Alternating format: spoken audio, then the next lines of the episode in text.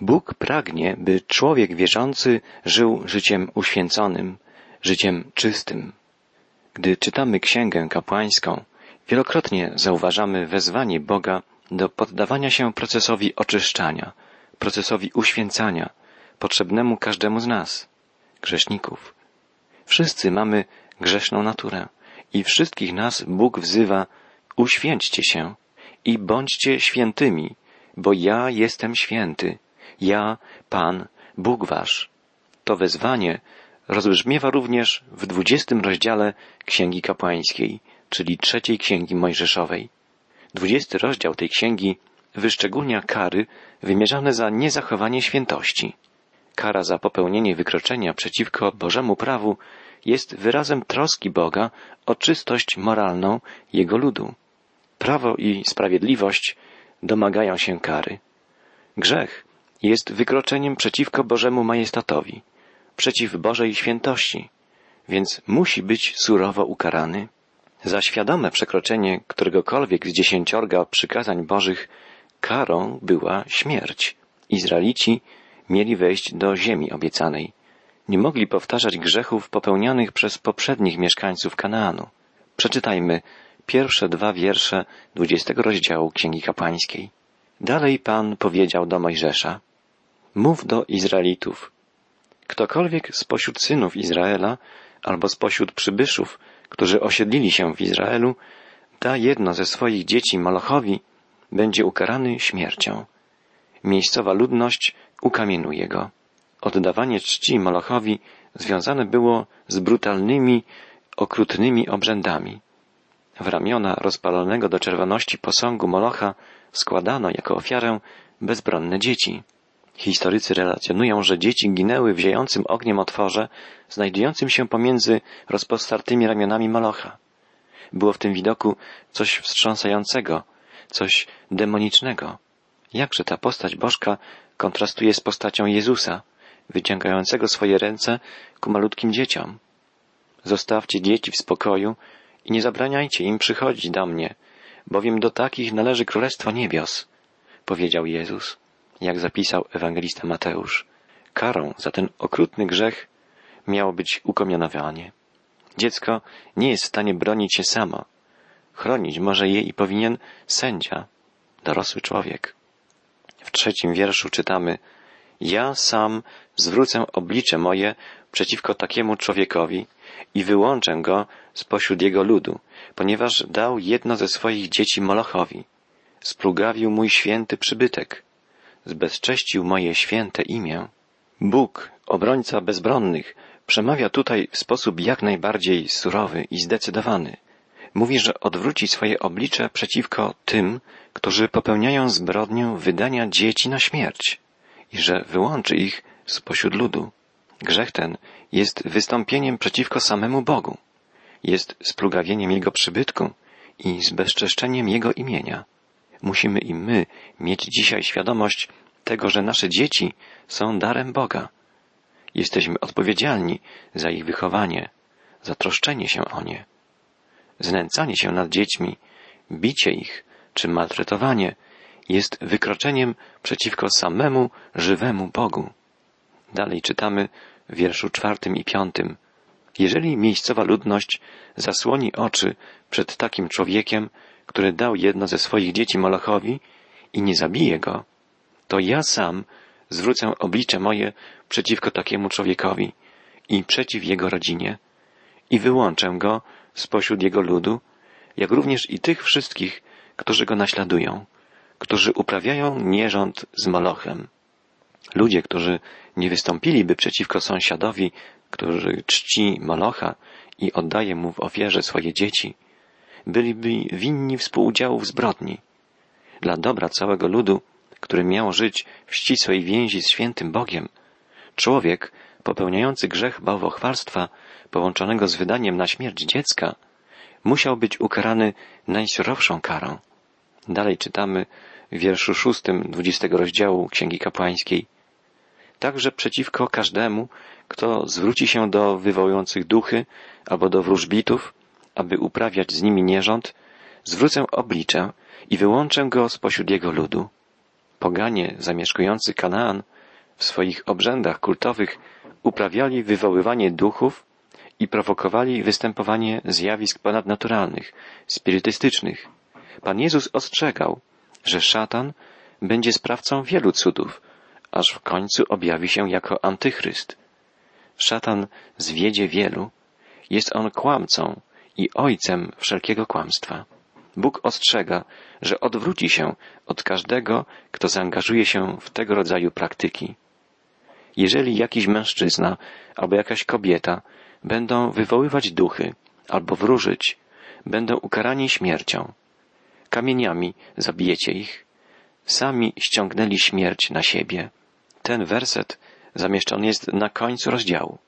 Przytoczyłem go tutaj, dlatego że odnosi się do tego samego problemu, o którym czytaliśmy w wersecie szóstym.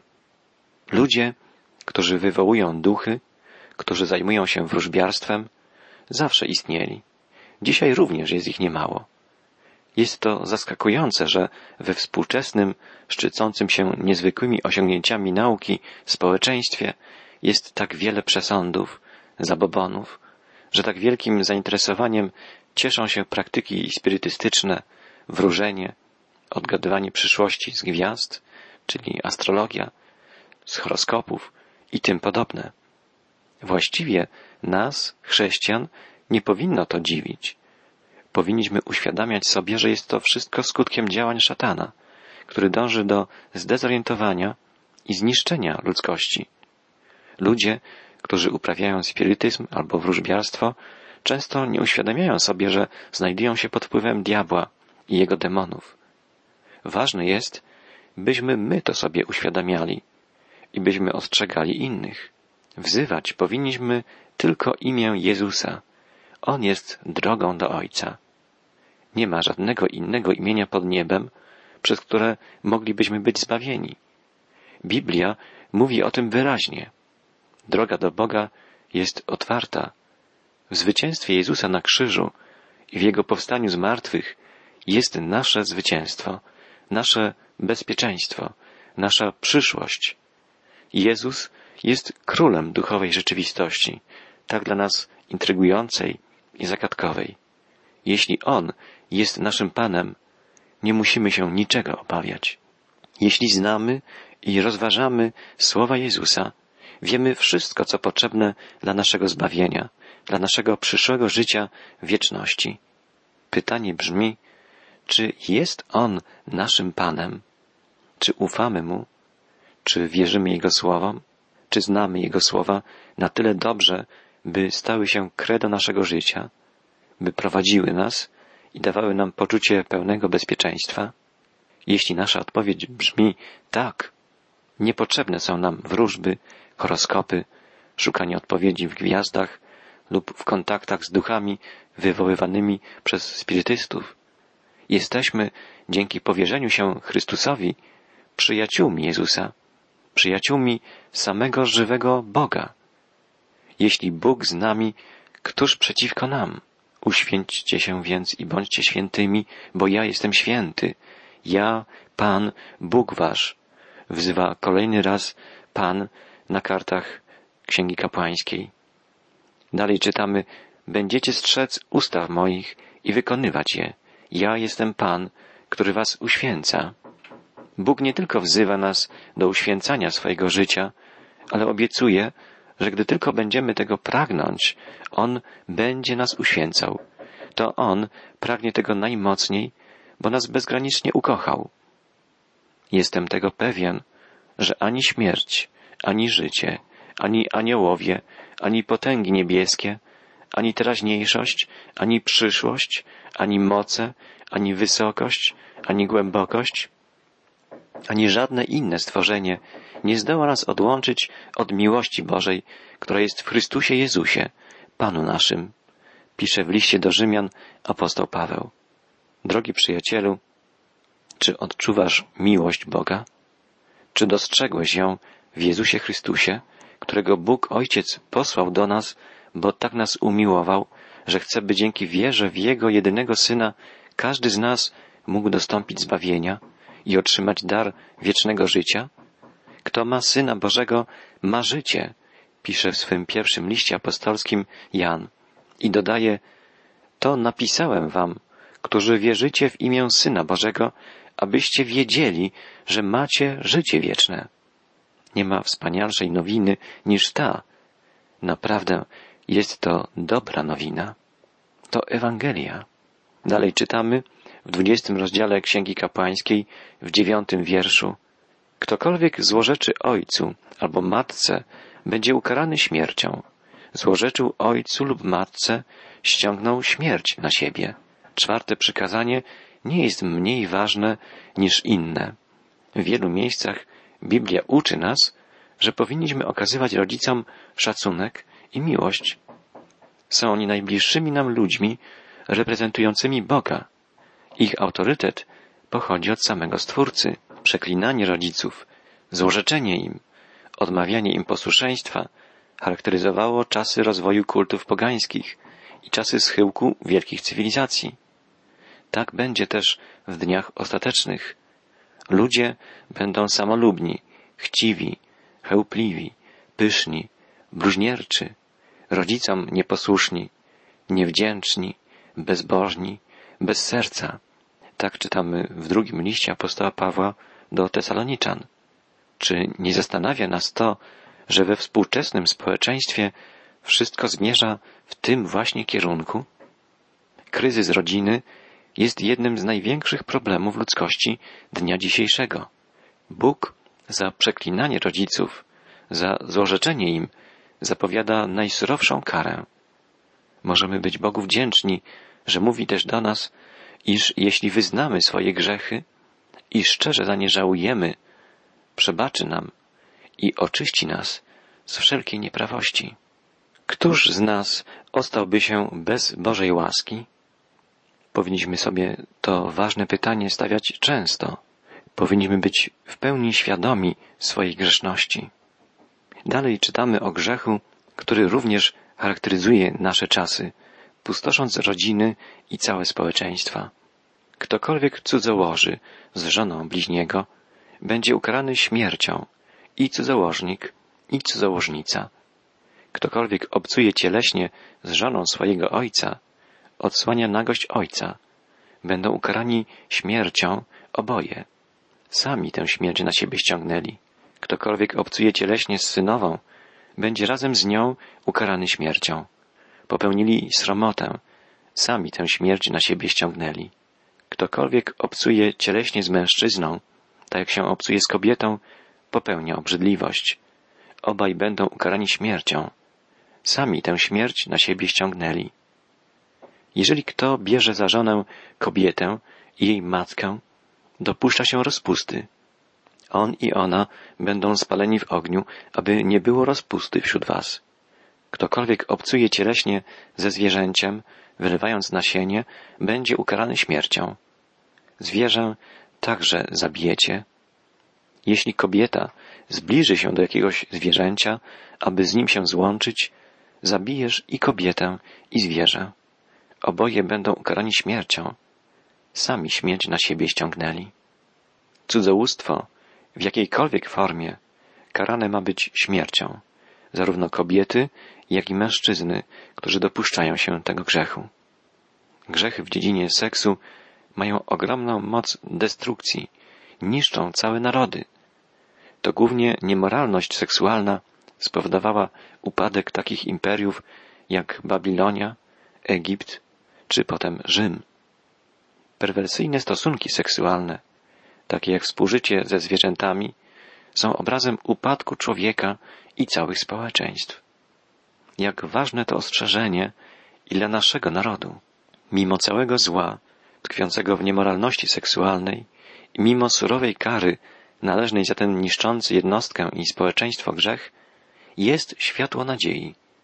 Nasz Zbawiciel pragnie przebaczyć wszelki grzech każdemu, kto się ku niemu zwróci o pomoc. Pamiętamy spotkanie Jezusa z kobietą przyłapaną na cudzołóstwie. Powinna ona zostać ukamionowana. Śmierć powinien ponieść także mężczyzna, który z nią obcował. Jednak Jezus przebaczył tej kobiecie i zwrócił jej wolność. Jezus znajdował się już wtedy w drodze do Jerozolimy, gdzie miał zawisnąć na krzyżu. Zapłatą za grzech jest śmierć. Jezus zmarł, by nie musiała zginąć ta kobieta przyłapana na cudzołóstwie. Drogi słuchaczu, śmierć Jezusa jest zapłatą i za Twój grzech. Jeśli przyjdziesz do Niego ze szczerą skruchą i wyznasz Mu wszystko w modlitwie, On Ci przebaczy. Pamiętaj także, co Jezus powiedział wtedy owej kobiecie. Idź i więcej nie grzesz. W Księdze Kapłańskiej czytamy dalej od wiersza 17-20 rozdziału. Jeżeli kto weźmie swoją siostrę, córkę swojego ojca albo swojej matki i będzie oglądać jej nagość, a ona będzie oglądać jego nagość, jest to czyn haniebny. Oboje będą zgładzeni w obecności synów ich ludu. Ten, kto odsłoni nagość swojej siostry, zaciągnie winę. Jeżeli kto obcuje cieleśnie z kobietą mającą miesięczne krwawienie i odsłoni jej nagość, obnaża źródło jej krwi, a ona też odsłoni źródło swojej krwi, to oboje będą wyłączeni spośród swojego ludu. Nie będziesz odsłaniał nagości siostry swojej matki albo siostry swojego ojca, to byłoby to samo, co obnażyć własne ciało. Oni poniosą za to winę. Ktokolwiek obcuje ze swoją ciotką, odsłania nagość swojego wuja. Poniosą oni swój grzech, umrą bezdzietnie. Ktokolwiek bierze żonę swojego brata, popełnia kazirodztwo. Odsłonił nagość swojego brata. Będą bezdzietni. Bóg wymaga czystości w każdej dziedzinie naszego życia, a szczególnie w dziedzinie seksu. Bóg zabrania związków osób blisko ze sobą spokrewnionych. Wiemy, że dzieci pochodzące z takich związków są szczególnie zagrożone chorobami. Mogą umrzeć wcześniej niż ich rodzice i wtedy pozostaną oni bezdzietni. Zakaz Boga powodowany jest więc zarówno troską o moralne, jak i fizyczne zdrowie swego ludu. W wierszu 22 czytamy Będziecie strzec wszystkich moich ustaw i wszystkich moich wyroków i będziecie je wykonywać, aby was nie wypluła ziemia, do której was wprowadziłem, abyście mieszkali w niej. Bóg wypędził ludy pogańskie zamieszkujące Kanaan, ponieważ popełniały one grzechy, o których mowa w tym fragmencie Księgi Kapłańskiej. Bóg ostrzega Izraelitów, że spotka ich ten sam los, jeśli nie będą przestrzegać wszystkich Jego przykazań. I tak się w rzeczywistości stało. Izraelici zostali wzięci do niewoli do Babilonii, bo za panowania króla Manasesa czynili zło tak samo jak ludy zamieszkujące Kanaan przed nimi. Czytamy, Manases miał dwanaście lat, gdy objął władzę królewską, a panował pięćdziesiąt pięć lat w Jerozolimie. Czynił to, co złe w oczach Pana, według ohydnych zwyczajów narodów, które Pan wypędził przed synami Izraela. Swego syna oddał na spalenie, uprawiał wróżbiarstwo i czary. Ustanowił zażegnywaczy i wróżbitów i wiele złego czynił w oczach Pana. Prowokował go do gniewu.